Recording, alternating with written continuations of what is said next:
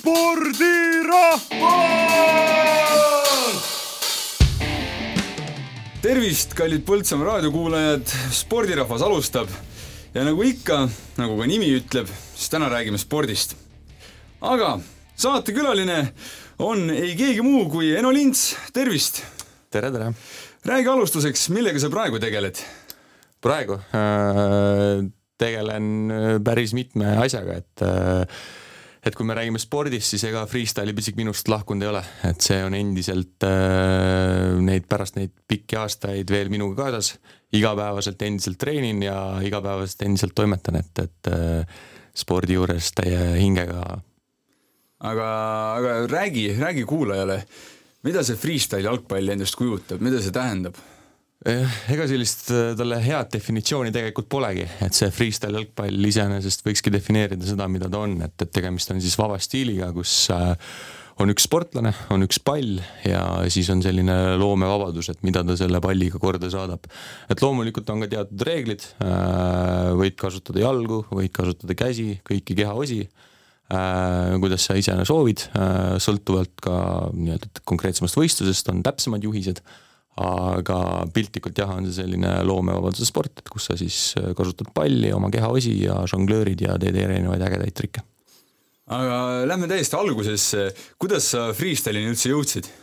jah, see jutt on ka, see on päris pikk asi, et, et tegelikult ma alustasin üldse jalgpallist, nagu ikka kõik äh, trikijalgpallurid ja aasta oli vist äkki kuskil seal kaks tuhat neli, viis, kuus, kui ähm, käimas oli, ma nüüd võin eksida, aga minu arust oli see kaks tuhat kuus aasta, äh, kui käis maailmameistrivõistlused see toimus Saksamaal, äh, siis äh, ennem seda juba tegelikult hakkas pihta siis üks sihuke reklaamkampaania, et võib-olla vanemad kuulajad mäletavad, olid siuksed Yoga Bonito jalgpallireklaamid, kus erinevad tolle aja siis tippjalgpallurid näitasid palliga ägedaid trikke.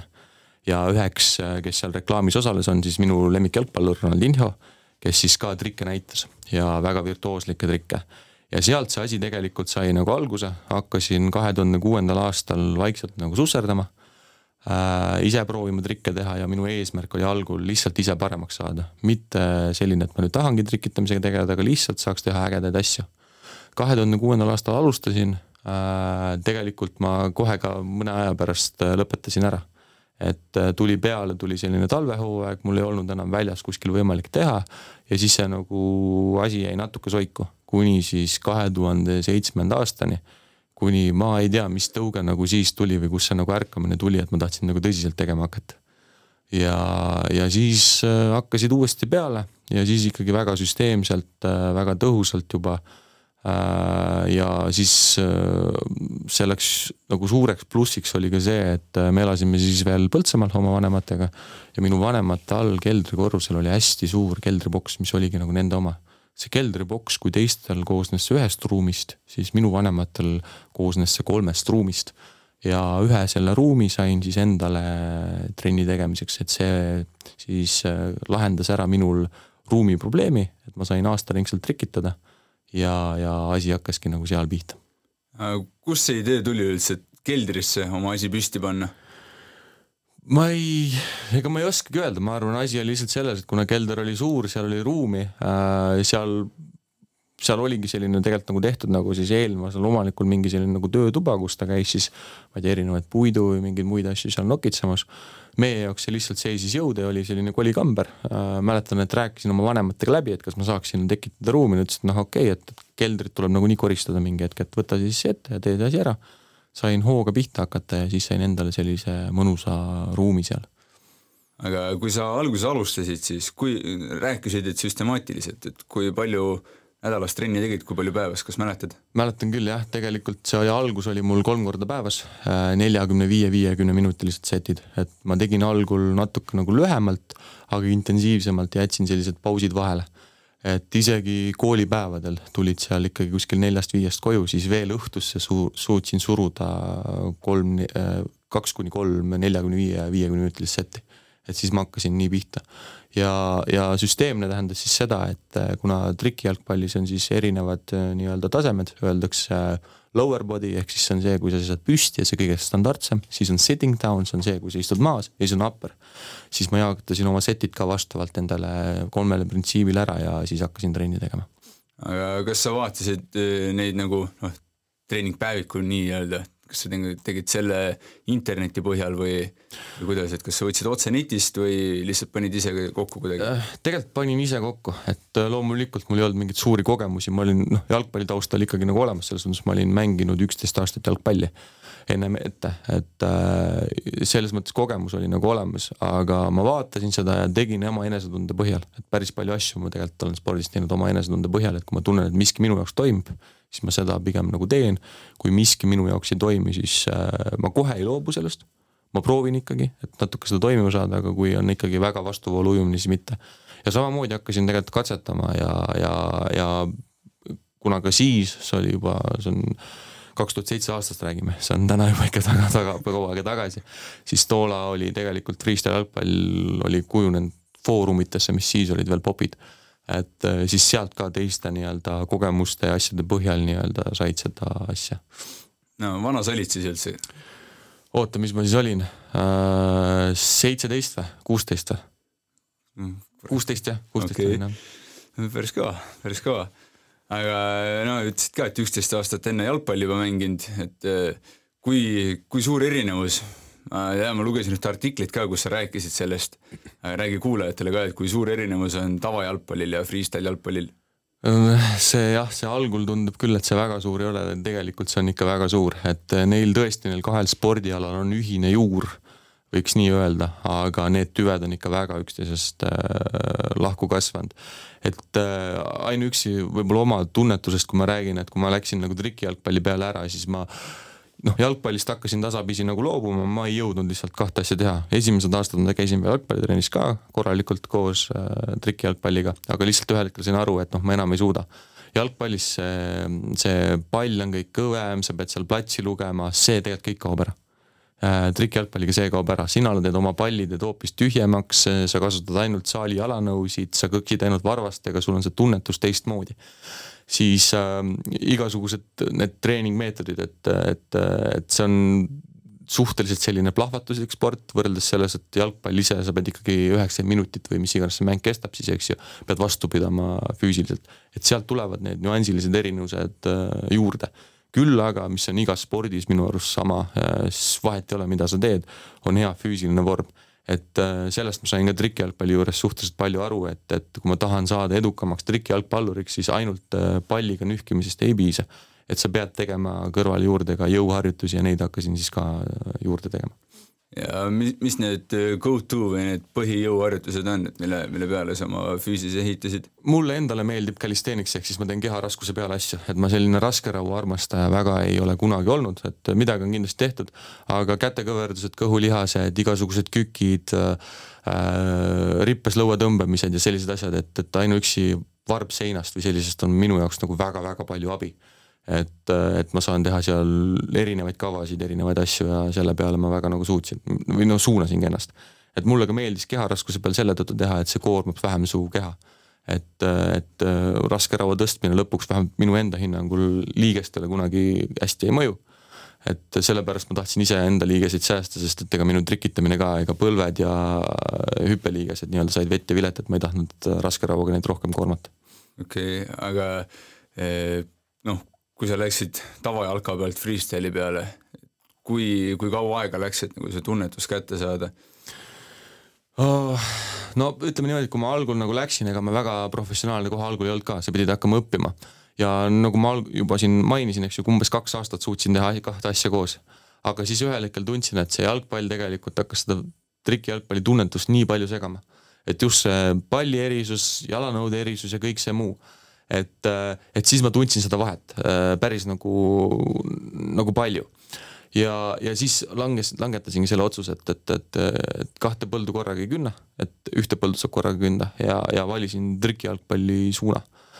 ja see noh, kuidas see noh, ütleme, kui, kui suur see vahe nagu on, et, et kui ma hetkel näiteks vahetan endale ära jalanõud või vahetan ära palli, siis umbes jalanõudega on see kuskil mul poolteist nädalat, on umbes niisugune tase on natuke nagu maas, sest pead harjuma uute jalanõudega ja palliga on see umbes niisugune võib-olla niisugune kolm-neli päeva, et sõltub, et palliga on natuke nagu lihtsam, tähtis on see, et see pall oleks see, millega sa oled nagu harjunud tegema. et, äh, et eks me sinna võib-olla varustuse juurde ka jõuame, eks, mis räägin täpsemalt. jah, aga no trikijalgpalluritel või noh, freestyle'is on ikkagi esinemised ja sellised asjad nagu põhi, et kaua sa enne trenni tegid, kui esinemise, esimese esinemise tegid? jaa, esimene esinemine oli mul tegelikult ähm, kaks tuhat kaheksa vist või, oli või, see oli natuke ikkagi alla, alla aasta, mis ma trenni nagu tegin. ja kui ma ise alustasin tegelikult, ega ma ei mõelnud selle peale, et ma hakkan kuskil esinemas käima, ma tegin seda iseenda jaoks. et mulle meeldis see ja, ja, ja siis ma veel mängisin jalgpalli koos, mõtlesin, et noh, et teen oma trenni nagu lisaks, et siis aitab mul jalgpallis ka paremini nagu teha.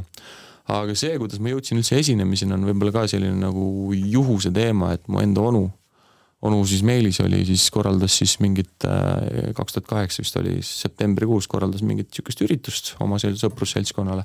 ja ta mõtles, et võiks nagu kedagi nagu mingit üllatavat äh, etteastet pakkuda oma külalistele, midagi, mida pole võib-olla varem nähtud ja ma ei mäleta, kes minu perekonnast rääkis, ega ma ise seda tegelikult väga äh, ei promonud, et ma kuskil keldris trenni teen, see tundus võib-olla natuke võib-olla selline isegi nagu piinlik olukord tol hetkel, eks ju, noh keegi kuskil käib ja toksib midagi. ja ma mäletan, et äh, ma olin trennis sel hetkel ja onu tuli külla ja onu küsis, et kurat, et Eno teeb keldris jalgpallitrenni. mis asi see on, mis asja ta teeb nagu? ja kui ma tulin üles vetsu korraks, siis ta küsis Eno, et noh, mida sa teed, näita mulle, ma näitasin talle mingit väikest klipikest, mis ma olin filminud ja siis ta, tema pakkus selle tegelikult välja, et kuule, sa võiksid tulla meie üritusele et, etteastet tegema. ja, ja, ja see mõte hakkas sealt nagu veerema. ja sealt pealt läkski tegelikult see asi läks nagu päris nagu kiiresti lahti, et ma tegin selle esinemise tegin septembrikuus ära. siis äh, me filmisime seda, mul oli vend kaasas, kes filmis seda, me panime selle Youtube'i ja Youtube'is siis äh, üks FC Kuressaare jalgpallifänn Elari Valmas leidis mu ja pakkus juba välja, et äh, oktoobrikuus oli neil tol hetkel minu arust oli see mingi Paide linnameeskonnaga äkki mäng neil Kuressaares ja ütles, et kuule, et kas sa saaksid tulla teha show'd äh, poolajal. ja noh, see tundus juba siis nagu selline noh, nagu väga suur nagu publik, et ma läksin kuskil sihuke sajapealise publiku eest, seal mängul oli kuskil äkki kolm poolsada, nelisada inimest kohal. et sihuke väga suur nagu hüpe oli nagu edasi. Läksime sinna mul enda arust läks nagu kehvasti, noh, Kuressaare linnastaadion on suhteliselt tuuline, ma polnud sellega harjunud nagu tegema. Läks nagu suhteliselt kehvasti, aga filmisime, panime jälle ülesse ja aasta lõpuks juba esinesin siis Honda spordikuulsuste jõuluturniiril äh,. esinesin seal ka ühe etteastmena ja see oli juba tuhande kahesaja inimese ees. et juba esimese sihukese kolme etteastega juba jõudsid sinna tuhande inimeseni, et aga noh, see asi läks sealt nagu veerema aga sa tegeled ka video, videomaailmas, ma ei tea, kuidas seda täpselt nimetada, aga aga kus see, millal see tekkis, kas see oli nagu samal ajal umbes? see tegelikult tuli nagu hiljem, et, et kus see tekkis, see video pool ka nagu juurde, et, et, et nüüd tundub inimestele, et no tegeleb nagu mitme erineva asjaga, on natuke nagu hunt kriimsilm, eks ma natuke nagu olen ka.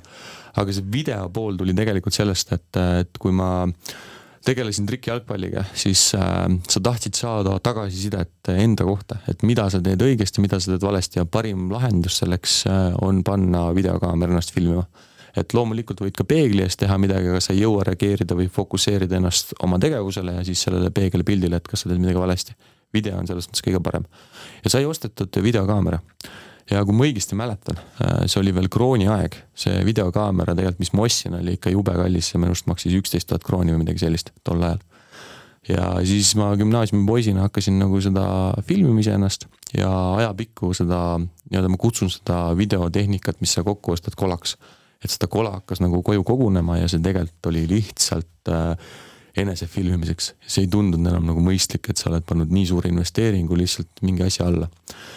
ja hakkasime tegema ka rohkem videosid, ehk siis äh, kui sa noh, juba aastal kaks tuhat seitse-kaheksa, eks ju, oli näha, et, et tegelikult kui sa tahad nagu kuskile midagi jõuda, sa pead ennast äh, tutvustama läbi siis tolleaegse sotsiaalmeedia, mis ei ole midagi, mis on see tänapäeval.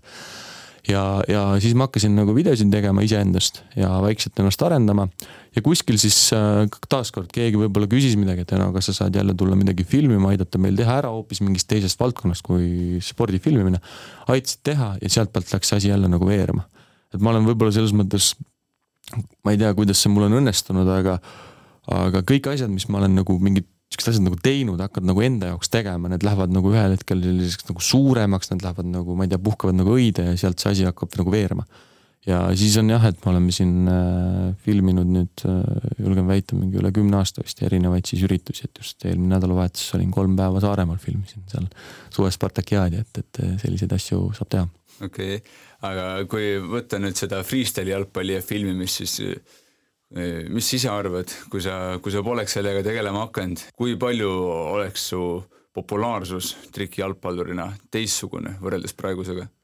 ma arvan oluliselt, et, et see, et sa pidid seda tegema, ennast nagu välja presenteerima, eks ma arvan, noh naljatades võiks öelda, ma oleks siiamaani trikitaks keldris onju et võib-olla teeks midagi ägedat, et, et see on oluline, et kõik need tänapäevased ka üldse tänasel päeval, kui keegi millegagi alustab, siis ma arvan sotsiaalmeediast ta ei pääse üle ega ümber, et see on see, mis, mis sind ennast aitab turundada, see on see, mis sulle lõpuks siis äh, kliente, vaatavust, äh, sellist kane, kõna, kõlapinda toob.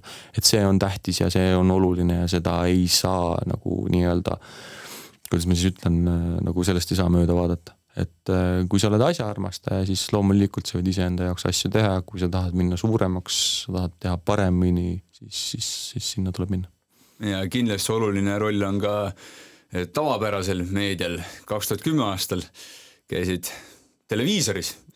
jah, käisin küll, jah. saade, saate nimi oli Eesti Talent. räägi sellest, kuidas sa sinna jõudsid oh, see tuleb taaskord, lähme sinna Honda spordikuulsuste jõuluturniirile ja, ja sinna juurde tagasi, et tegin selle tuhat kakssada ära.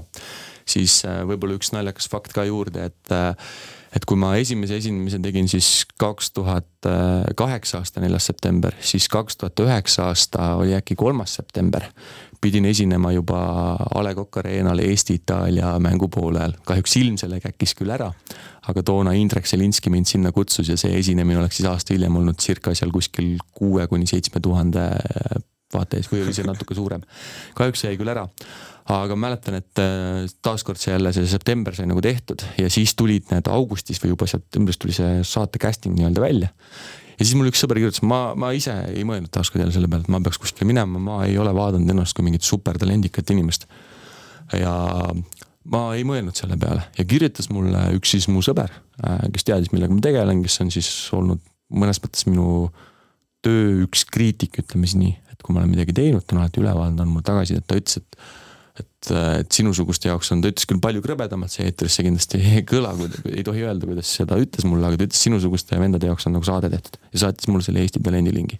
võtsin lahti, panin selle kinni, kõik, ei, ma ei arvanud, see minu jaoks on. ja ka kuidagi sealt jäi nagu asi nagu mõtlema ja eks sa öösel ka võib-olla seal kuidagi magasid ja siis mõtlesid oma pea selgeks ja järgmisel päeval tegelikult äh, kirjutasin sinna ära, et ma sinna lähen. aga ma ei öelnud kellelegi, ma ei öelnud isegi oma vanematele, et ma kuskile lähen et kuna ma siis juba esinemistel käisin, siis kui ma tean, et tuli see saate casting nii-öelda, et sa pidid kuskile minema, mina käisin siis Pärnu kontserdimajas. siis äh, ma ütlesin vanematele, ma lähen Pärnusse esinema. et äh, ma pean juba ühe päeva varem kohale minema, et lähen sinna siis ööbin seal hotellis. ja hommikul siis hakkas see saate casting pihta, et ega ma ei öelnud neile. ja see casting käis siis põhimõtteliselt päev läbi, ma mäletan, ma olin üks viimaste seas, kes sinna siis lavale sai ja seal oli ka ikkagi, et, et ma ei tea, kuidas see minu nagu see jutt või see lugu seal nagu lendama läks, igatahes kui ma sinna sain, siis võeti kohe kõrvale, tehti intervjuud, räägi, kuidas ikkagi keldris harjutad ja kuidas sa niimoodi oled välja jõudnud ja ja siis äh, tegin oma etteaste ära, see kõigile meeldis ja, ja mind hääletati siis edasi, et kuigi Valdo Randpere mulle punase punase nii-öelda X-i pani tööle, aga, aga see oli ainuke, mis ma sellest saatest sain, aga aga sealt läks kuidagi asi nagu lendama, inimestele see, see, see jutt ja see story meeldis, mis mul nagu oli pakkuda neile. ja siis läkski ja see viis mind siis äh, nii-öelda sellest äh, casting ust järgmistesse saadetesse kuni finaalini välja, et ega ma ei arvestanud, et ma finaali jõuan. ma ei arvestanud sellega, et ma, ma noh, sellisel tasemel üldse nagu olen aga üks asi viis teiseni, tuli see põlev pall kohe ja asjad ja, ja jõudsin sinna nagu välja, et selles mõttes, et äh, äge, äge nagu kogemus. ja noh, kui see nagu tehtud sai, noh siis oli nagu mõnes mõttes nagu hullumaja, et et äh, detsembrikuus oli see saate finaal, esinemine oli vist siis umbes, minu arust öeldi vaatenumbrid olid äkki kakssada kakskümmend tuhat, eks ju, siis vaadati seda, et esinesid seal ja ja mäletan ka seda oma etteastet seal, et äh, kui teistel seal olid mingid professionaalsed koreograafid ja asjad panid mingid show'd kokku, siis ma olin mina äh,, mu vend ja üks klassiõde põhimõtteliselt kolmekesi. Me tegime väikse siukse etteaste, mida me siis finaalis nagu näitasime, et no noh, põnev oli selles mõttes, oli arendav, arendav kogemus ja see oli nagu äge. Ja peale seda saadet jah, siis, siis tegelikult tuli ka üks asi veel juurde, püstitasin trikijalgpallis kaks tuhat kümme, üksteist vist oli siis juba märtsikuus püstitasin maailmarekordi ja, ja siis hakkas seda meediat nagu tulema, et, et, et äh, mäletan ühte nädalavahetust, see oli veel, hakkasin gümnaasiumit lõpetama, see oli kaheteistkümnes klass. Mäletan, et äh, tulid koju ja telefon oli punane, helistati sulle Ringvaatest, helistati sulle Eesti kõige kõigest ja sooviti teha saateid ja värki-särke ja siis mõtlesin, et okei okay,, open puhh, et mul on vaja saated ära teha ja siis on mul veel mingi eksam tulemas kohe, et kuidas ma jõuan, aga noh, kõik jõudis aga tahtsingi selle põleva palli kohta küsida, mäletan, et kui see telekas oli, siis ma olin ikka suht pöördes, noh, kaheksa-aastasena vaatan, et sa raks, mis nüüd toimub. kuidas sa selle põleva pallini üldse jõudsid? see on ka huvitav lugu, et, et tegelikult vaatasin ühte mm, Suurbritannia tollel hetkel väga populaarset trikijalgpallurit John Farnworthi, kes tegi siis ühe äh, reklaamklipi ja seal reklaamklipis siis äh, pall tal põles ja mulle endale tundus täpselt samamoodi, nagu sa ütlesid, kaheksa-aastane poiss vaatab, vau, ma olin siis äh,, mis ma siis olin siis seal kaheksateist vist olin just saanud. vaatasin ka, et vau, et äge, äge, tahaks ka ise teha ja mõtlesin, siis hakkasin siis nagu proovima, et kuidas seda teha. tegin esimese palli valmis. esimene pall mul mm, kestis, julgen väita umbes äkki nelikümmend minutit või niimoodi, siis see lendas õhku. et lihtsalt see, kui sa paned palli põlema, siis gaasid seal sees paisuvad ja ühel hetkel käib ka buum. et lendasin selle palli õhku siis oli noh, algul ma olin nagu nii noh, et see pall ju põles, see ju toimis asi ja siis lendas kõik õhku, siis olid nagu nii löödud kuidagi, et et pagan küll, et, et, et, et vist ikka ei saa seda trikki teha ja, ja siis samal ajal, kui tegelikult seda reklaami uuesti läbi vaatasid, saad aru, et et see, kuidas John seal neid trikke tegi, see oli arvutigraafika, tegelikult palli ei põlenud, ta tegi tavalise palliga lihtsalt, leegid pandi juurde. oli mast, mast oli nagu maas, aga see mast oli maas täpselt umbes võib-olla kakskümmend neli tundi. järgmisel päeval mõtlesin, et pall lendas küll õhku, aga pall põles järelikult seda saab teha, ma pean kuidagi olema targem. tellisin uued vahendid, uued pallid, värgid, särgid, nüüd olin natuke nagu selles mõttes kavalam, et ähm, katsin ka palli teatud riid, riietega kinni ja lasin pallist rõhku välja. üks väga kaval nükk on see, et lase lihtsalt pallist rõhku välja. ja, ja, ja teine palli tegin valmis ja see kestis mul umbes paar aastat, äkki sain põletada seda palli et äh, selles mõttes äh, esimene ebaõnnestumine viis järgmise õnnestumiseni, nagu ikka elus asjad käivad ja, ja, ja sealt see asi nagu tuli. ja sihuke tõuge, miks oli, oli ka tegelikult sellest talendisaatest, et äh, seda küll ei öelnud Mihkel Raud mulle, aga ütles seal ühele korvpalli trikivennale, et sa võiksid panna järgmises nii-öelda, see oli vist poolfinaalis, pane oma pall põlema. Ja ma sealt sain nagu selle initsiaatori, et davai, ma teen selle ise ära, et kuna Roman seda ei teinud, siis mina tegin selle ära ja nii, nii see asi tuli.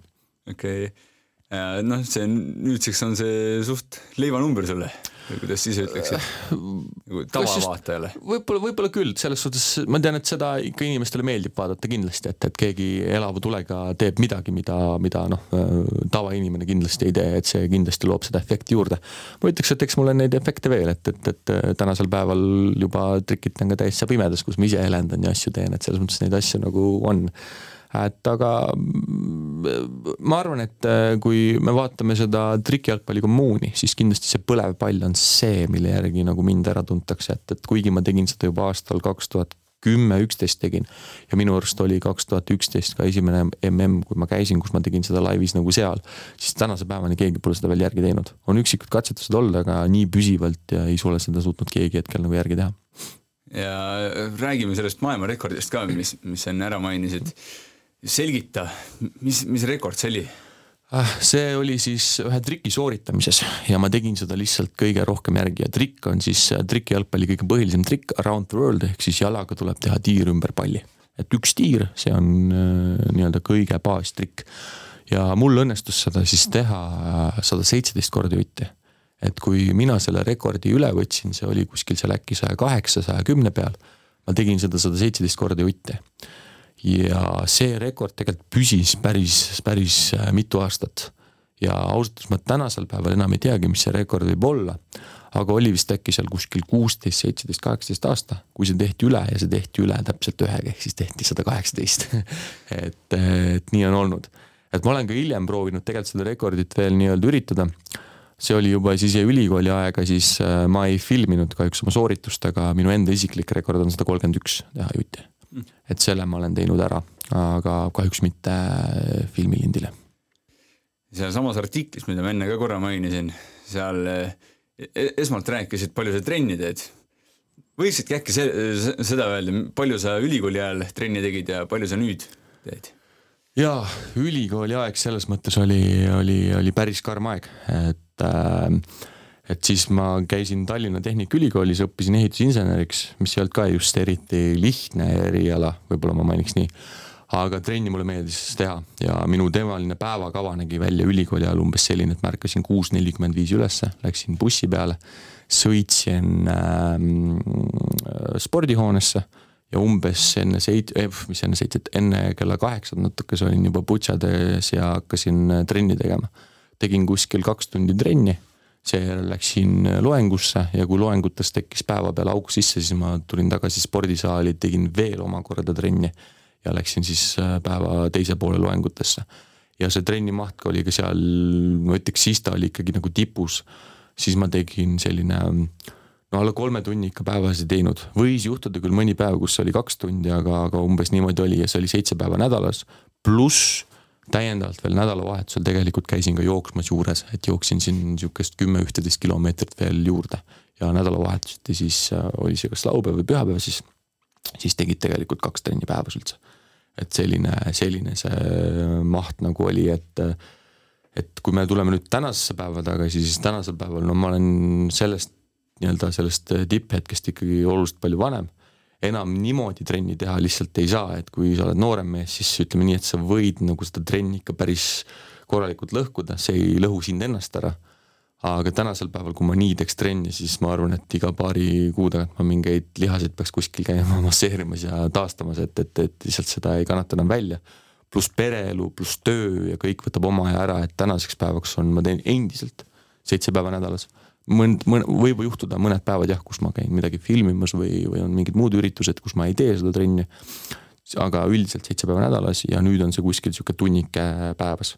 et äh, lihtsalt see muu eluolu on ka nagu tähtis, et kuna on kaks väikest last on kodus, siis äh, ei ole võimalik nende kõrvalt äh, kolm tunni enam lükata kuidas sa ülikooli ajal üldse kogu ülikooli noh, õppetöö kõrvalt, siis trenni kõrvalt, kuidas sa sotsiaalelu elada jõudsid, nagu näha, siis, siis jõudsid, noh, pere on olemas. jaa, no ütleme niimoodi, et eks see, eks see, eks see, eks see on alati valikute küsimus, ega aeg on meie kõige piiratum ressurss ja seda peab alati endale nagu nagu selles mõttes nagu meelde tuletama, et, et sa pead panema paika need prioriteedid, mis on sinu jaoks nagu olulised et kui me räägime ülikooli ajal võib-olla sotsiaalelust, siis ma ei olnud see vend, kes käib, käib ööklubis nädalavahetusel, mul lihtsalt ei olnud selleks aega.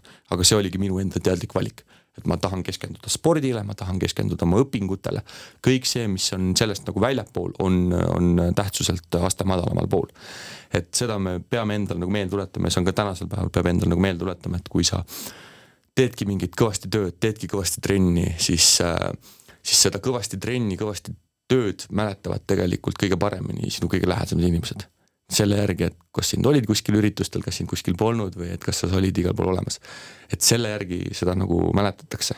et eh, seda peab endale meelde tuletama, aga tähtis on siin panna paika see prioriteetsus ja seda mul oli nagu paigas, ma tunnen. et, eh, et olen kindlasti pidanud asjadest loobuma, kõige lihtsamad asjad tõenäoliselt, mida võib välja tuua, on see, et ma telekat ei vaata, absoluutselt mitte et äh, juba, juba päris pikka aega, et, et, äh, et lihtsalt sealt hoiad aega kokku.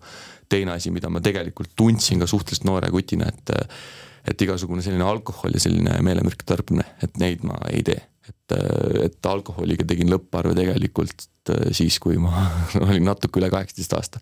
et justkui võid nagu alkoholi tarbima hakata ja siis ma sain aru, et ei, see ei ole minu jaoks. lõpetasin selle asja ära ja, ja, ja nii on sa pead alati tegema valikuid ja, ja enda jaoks prioriteedid paika panema ja kui need on paigas, siis, siis asju teha on lihtne.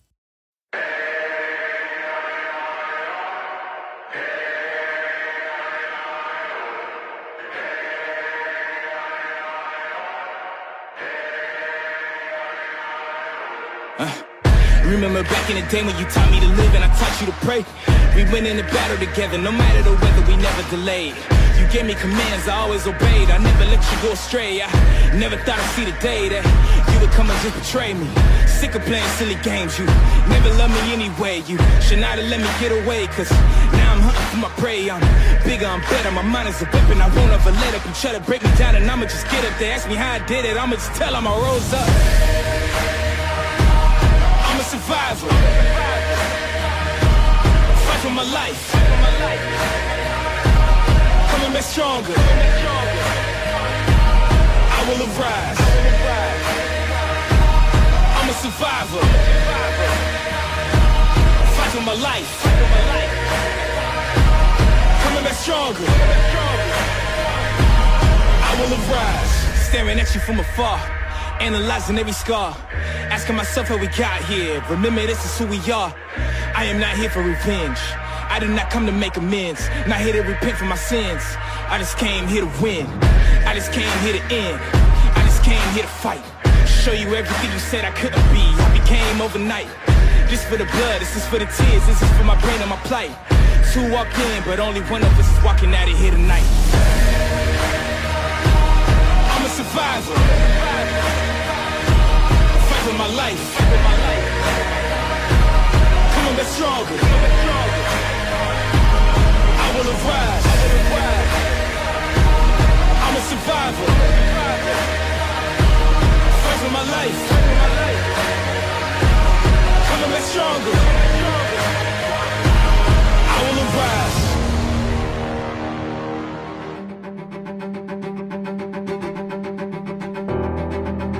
Dear God, please hear me out. I know it's been a couple years since I've reached out and said hello. I bet you're wondering why I keep obsessing on and stressing all the little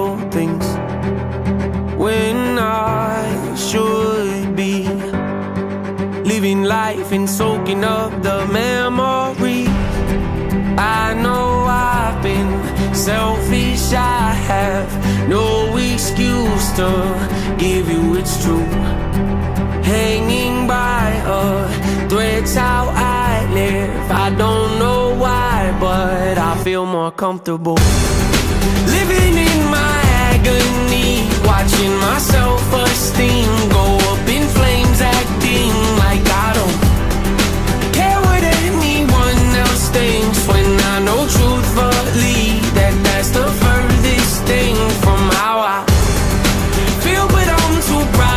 open up and ask you to pick me up and pull me out this hole I'm trapped in. The truth is I need help, but I just can't imagine was happy. Yeah, been this way so long it feels like something's off when I'm not depressed. I got some issues that I won't address. I got some baggage I ain't open yet. I got some demons I should put to rest. I got some traumas that I can't forget. I got some phone calls I've been avoiding. Some family members I don't really connect with. Some things I said I wish I would've not let slip. Some hurtful words that never should've left my lips. Some bridges burned. I'm not ready to rebuild yet. Some insecurities I haven't dealt with yet. I'll be the first to admit that I'm a lonely soul, and the last to admit I need a hand to hold. Losing hope, headed down a dangerous road. Strange, I know, but I feel most at home when I'm living in my agony, watching my self-esteem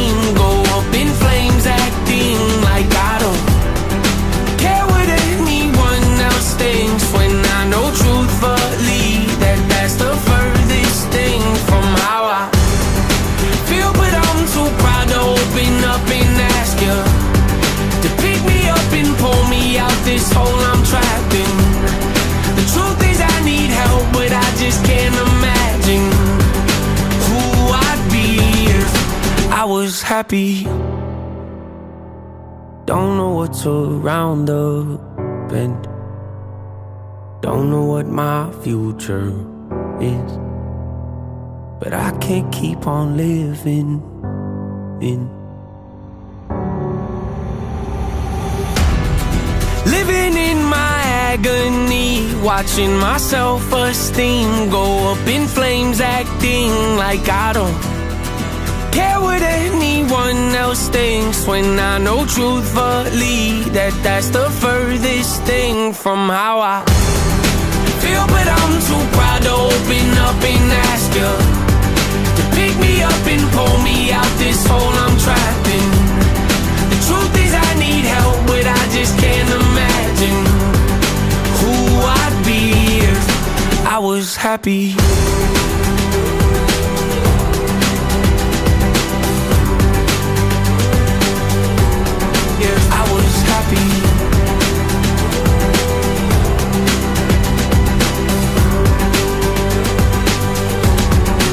I was happy.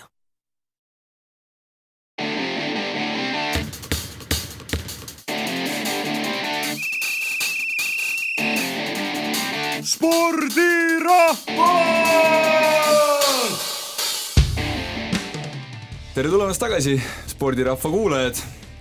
stuudios on meil Eno Lints ja ta räägib freestyle jalgpallist. aga lähme nüüd võistluste juurde. kui palju üks trikijalgpallur ühe hooaja jooksul võistlusi teeb ja millal see hooaeg üldse on? oh, see sõltub, et tegelikult äh, selliseid suuremaid võistlusi, mis nii-öelda trikijalgpallurite seas on hinnatud, on hooaja jooksul tegelikult kaks tükki. üks on siis see, mida tehakse Red Bulli all, on Red Bull Street Style ja teine on siis äh, Tšehhis äh, World, kuidas ta nimetus nüüd oligi, ühesõnaga põhimõtteliselt meie jaoks nagu mm ja see Tšehhis toimuv võistlus, siis see on äh, avatud võistlus üle maailma kõik, kes soovivad, võivad tegelikult sinna kohale minna ja, ja see, kes lõpuks võistlema pääseb, pannakse nii-öelda kvalifikatsioonidega paika. Red Bull on natuke keerulisem selle tõttu, et seal on siis nii-öelda riiklikud kvalifikatsiooniringid, kus siis iga riigi sees parimad poisid võistlevad siis välja enda seast selle parima, kes läheb nende riiki esindama siis lõpus sellele lõppvõistlusele et kahjuks kuna Eesti trikijalgpalli skeene on noh, see on olematu praktiliselt. et me võime ühe käe sõrmedel nimetada kokku inimesi, kes sellega on tegelenud viimase kümnendi aja jooksul ja praegu hetkel ma vist arvan, et tegelebki ainult kaks inimest sellega siin püsivalt võib-olla, võib-olla teen ka kellelegi liiga, võib-olla on neid trik-, keldritrikitajaid meil rohkem, aga lihtsalt vist ei ole midagi teada aga mm, selle tõttu pole saanud jah, meie siis Red Bullil osaleda. aga mm, sellel nii-öelda MM-il olen, olen käinud, olen käinud, kas ma nüüd õigesti mäletan, oli viis aastat vist. et see on omamoodi nagu tore, tore nagu kogemus, et, et mis on ka võib-olla minu sellised parimad tulemused seal, et siis olen võtnud osa seal kahest võistlusest, kahest peamisest. et seal loomulikult erinevaid võistlusklasse nii-öelda on rohkem, aga ma pidasin kahte enda põhiliseks. et battle'is siis, kus sa oled oma oponendiga nii-öelda kolm minutit on teil aega ja te peate üksteist ähm, siis kuidas ma ütlen nüüd ületama. selles on mu siis rekord tulla maailmas top kolmekümne kahte. ja mis on võib-olla minu selline leivanumber on freestyle rutiin, kus sul on endal aega kolm minutit, et siis esitada oma parimad trikid. selles olen siis tulnud maailmas neljandale kohale, see on minu nagu parim tulemus. ja see noh, see ütleme sellistel võistlustel nagu käimine, võib-olla selle juurde tuleme jälle, noh, selle treeningu juurde jõuame natukene jälle tagasi. et mida see endas nagu tegelikult nagu kätkeb, on see, et umbes pool aastat varem hakkad süsteemselt selle jaoks harjutama, hakkad mingeid trikke nii-öelda varna endal panema, hakkad kavasid kokku panema ja nii edasi. et see on ikkagi päris suur nagu maht, et maailma parimat. ma ei ole kindel, palju nad täna treenivad, aga tol hetkel, kui mina veel võistlemas käisin, siis räägiti, et maailma parimad treenivad umbes kaheksa tundi päevas. Et see on nende jaoks nagu täiskohaga töö ja teevad, et, et see on nagu päris, päris, päris muljetavaldav. mis su parimad kohad seal rutiinis olid? neljas oligi, et ma tulin seal kaks korda seitsmendale kohale siis kaks tuhat, ma olin siis kaitseväest, läksin võistlema, see oli aasta kaks tuhat neliteist või oli viisteist, neliteist, siis ma tulin neljandale kohale. et selle neljanda kohaga tegelikult on ka sihuke tore nagu jutt, et et tegelikult oli poodium oli, oli käekatsutav, aga mis juhtus, oli see, et äh, mul oli seal veidike selliseid eriefekte mõeldud oma etteaste nii-öelda vürtsitamiseks.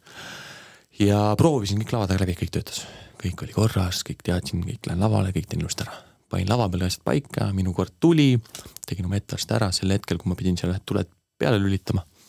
Need ei läinud põlema. ei tööta. oled keset lava, inimesed vaatavad, live stream käib, kõik on seal, ei tööta. vajutad teist korda ei tööta, kolmandat korda proovisin ka ja ei töötanud. tegin oma kava lõpuni ära, päris suur osa sellest efektist jäi nagu saavutamata. ja lähen lava taha, võtan selle asja uuesti lahti, mis kuradi asi ei tööta. vajutan nuppu, kõik töötab täpselt ühel momendil, kui asi pidi toimima, ta ei toiminud. ja mäletan, et pärast üks peakohtunik Ethan äh, Inglane tuli minu arust küsima, et kuule, et, et, et sul oli seal mingi asi, sa jäid korra nagu seisma seal lava peal, et noh, see tõi sinu punkte nagu allapoole, et mis juhtus ütlesin, seal pidi minema efektid nagu juurde veel värgid, seal oli üks maas, üks, üks, üks kaabel, mis pidi minema põlema.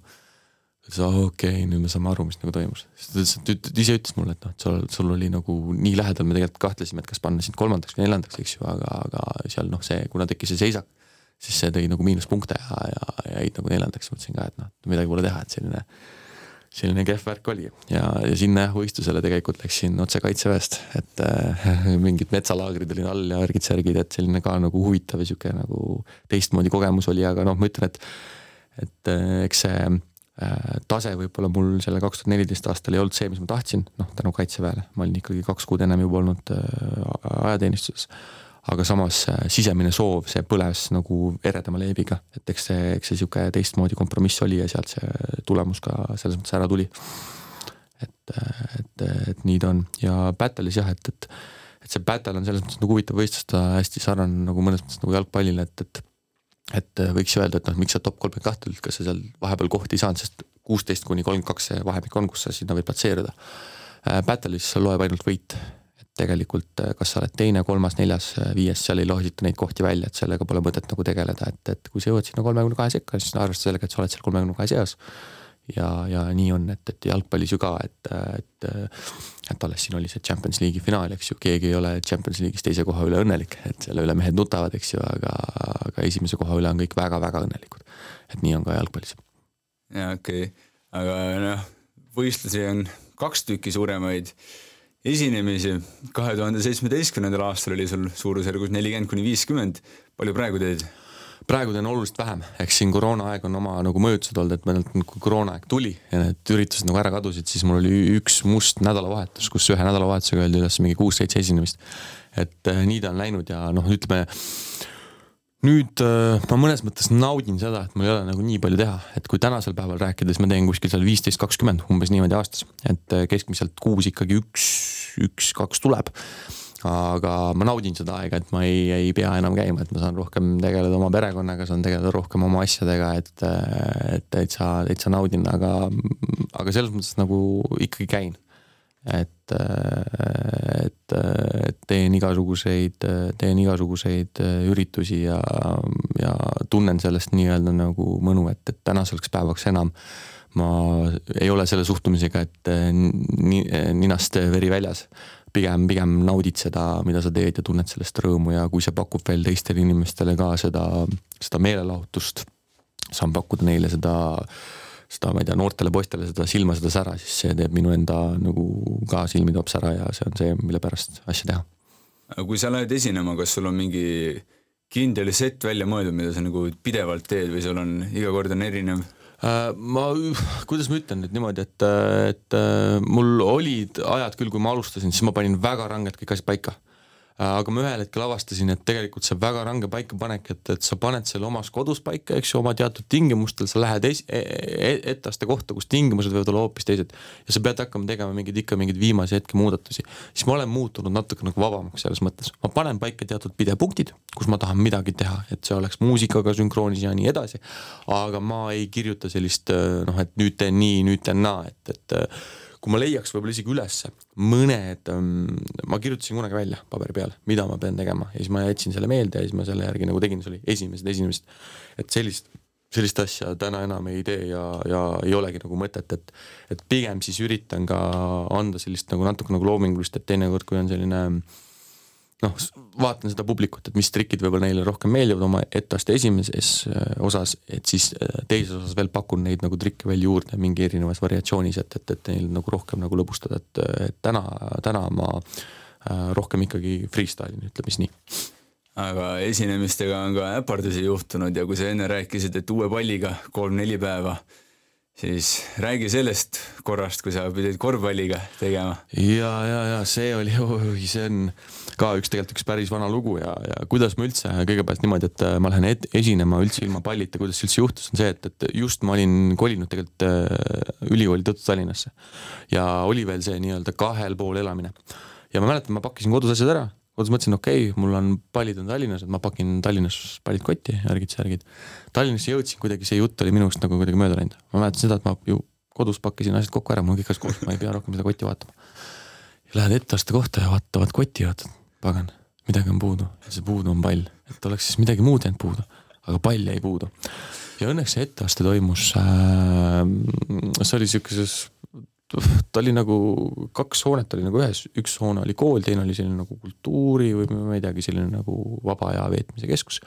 kus ma siis esinesin, läksin siis, väga piinlik oli ka minna muidugi äh,. Lähed ette esinema ja siis lähed ürituste korraldajale, kuule, tulin siia trikijalgpalliga trikke tegema, aga pall on kodus.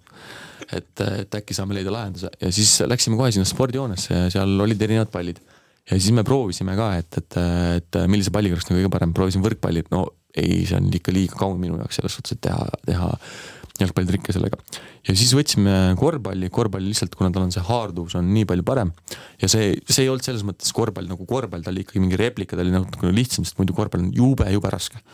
ja siis, siis otsustasin, võtan selle, läksin ära, õnneks mul oli pallipump oli kaasas, rõhku timmisin seal lava taga nii-öelda ise ära ja sain selle nagu etteaste tehtud et ähm, ma arvan, publikum võib-olla isegi aru ei saanud, aga endal on selline nagu naljakas nagu, nagu kogemus, et, et et teed küll jalgpalli, jalgpallitrikke, aga sa teed neid vahepeal ka korvpalliga, aga noh, elu on selline, siis tuleb leida need loomingulised lahendused.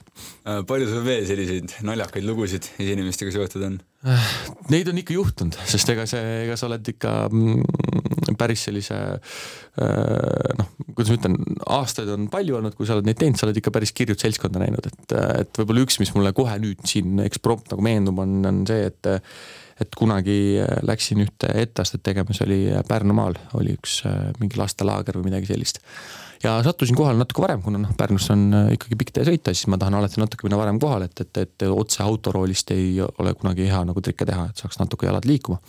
tegin seal kuskil mingi maja taga, tegin äh, mingit äh,, mingit pallitrikki. ja siis mul kaasas seal, seal tol hetkel siis oli üks sõbranna minuga kaasas ja siis aknast peale tuleb üks poisike, vaatab mind seal, ma teen seal trikke, siis vaatab, vaatab, vaatab ma noh, ma ei tahtnud nagu väga tähelepanu pöörata, mõtlesin, noh, et las ta siis vaatab võib-olla, et noh, et midagi hullu ta ei tee.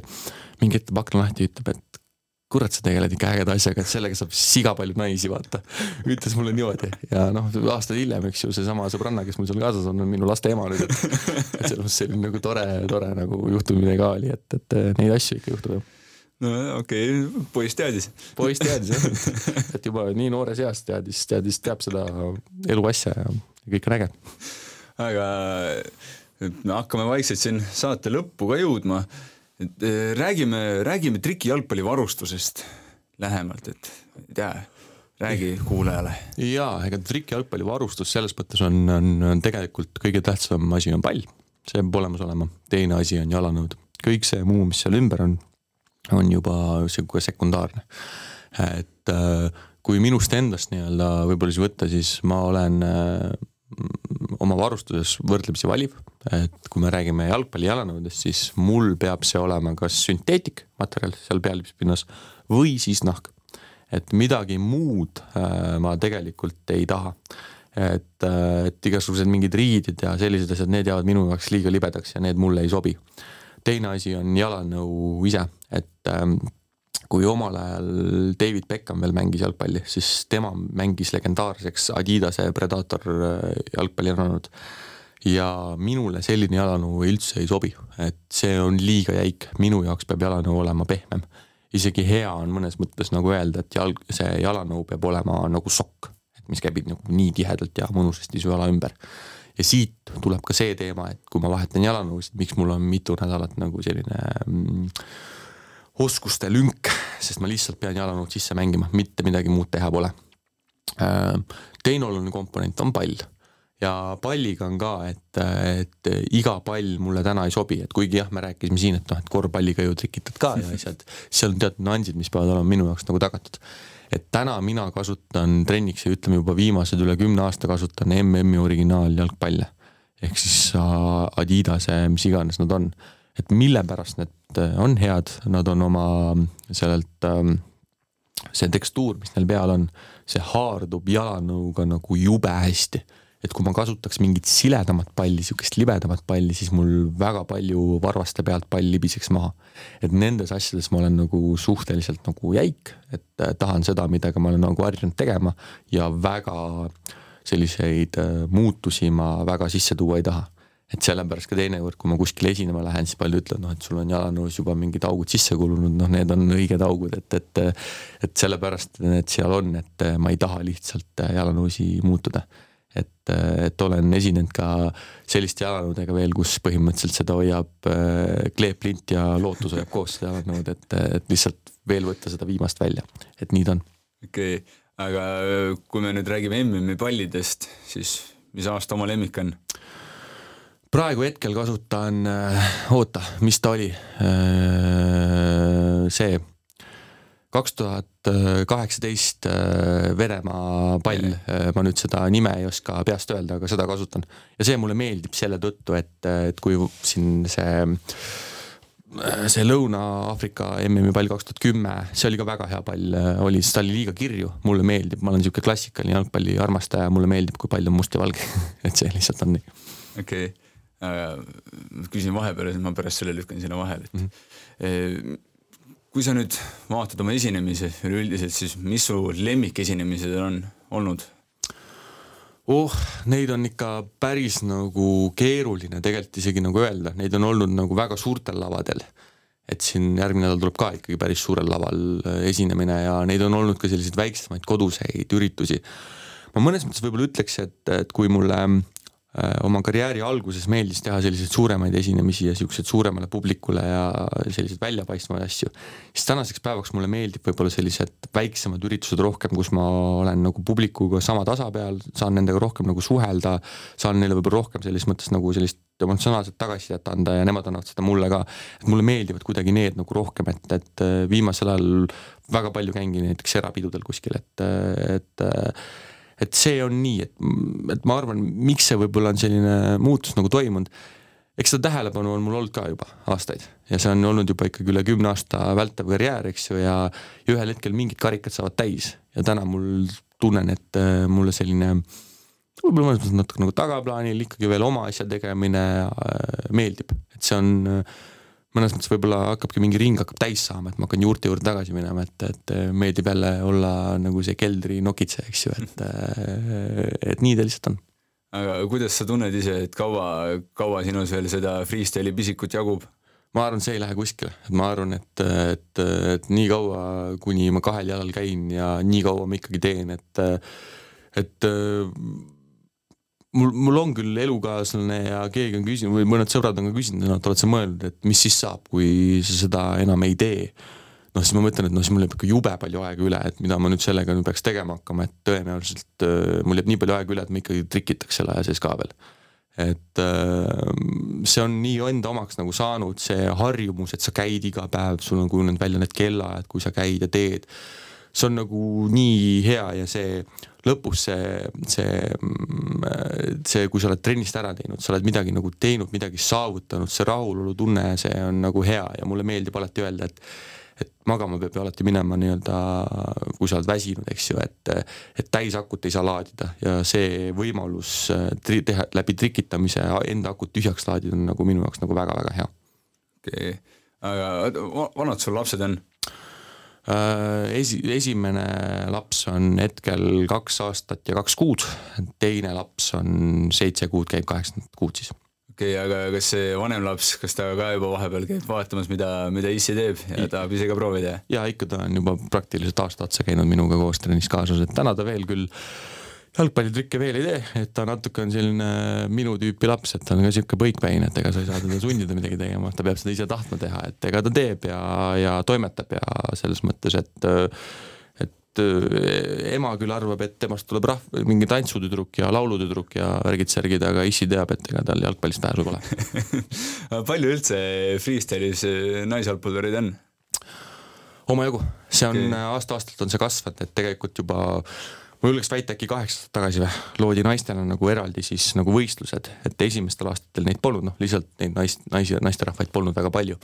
et äh, nüüd on see loodud ja see on ikkagi läinud nagu popiks, et siin ka Eestis tegelikult on olnud mõned äh, tublid, ma ütleks nende kohta ikkagi veel naisjalgpallurid, kes on ka trikke teinud ja on päris edukalt teinud. Äh, aga meil jah, sellist veel, sellist nii suurt kultuuri trikijalgpallis pole, aga maailmas on nagu väga popp, et Soomest on ka üks, üks, üks, üks trikijalgpallur, üks, üks noor tüdruk on tulemas ja tegelikult on, on, on, olen vaadanud, on täitsa, täitsa tubli. no viieteist aasta pärast tuleb, tuleb üks veel no loodame, et et varem isegi võib-olla, aga, aga vaatame, et, et, et noh, loodame jah, vähemalt temast ainest nagu on selles mõttes, et ta ikkagi meenutab, kui ma nii palju, kui ma kõrvalt ikka vaatan, ikka ta ikka liiga palju meenutab mind ennast, et et, et lootused on. okei okay., aga äh, võtame vaikselt saate kokku. kui, kui inimesed tahavad sind enda juurde esinema kutsuda, siis kuidas ühendust saab? igal pool sotsiaalmeedias, lihtsalt kirjutage ja, ja selles mõttes küll me siis juba edasi saame suhelda, et, et mul sellist, ma ei tea, et kindlat meilivormi või midagi sellist ei ole, et, et, et sotsiaalmeedia on viimasel ajal, ma ütleks, või viimased aastad ikkagi olnud see põhiline, kus sulle lähenetakse, et, et kuigi ma sinna väga aktiivselt enam ei postita, lihtsalt äh, lihtsalt pole aega, lihtsalt ei ole enam nagu nii palju võib-olla tahtmist ennast nagu nii palju võib-olla promoda, aga ega, aga ma vastan ikka ja, ja kasutan neid kanaleid, et, et sellest kirjutage ja joonistage ja, ja siis saab juba edasi. selge, aga aitäh aitäh, Eno, aitäh, kuulajad ja see oli Eno Lints ja spordirahva saade, nägemist.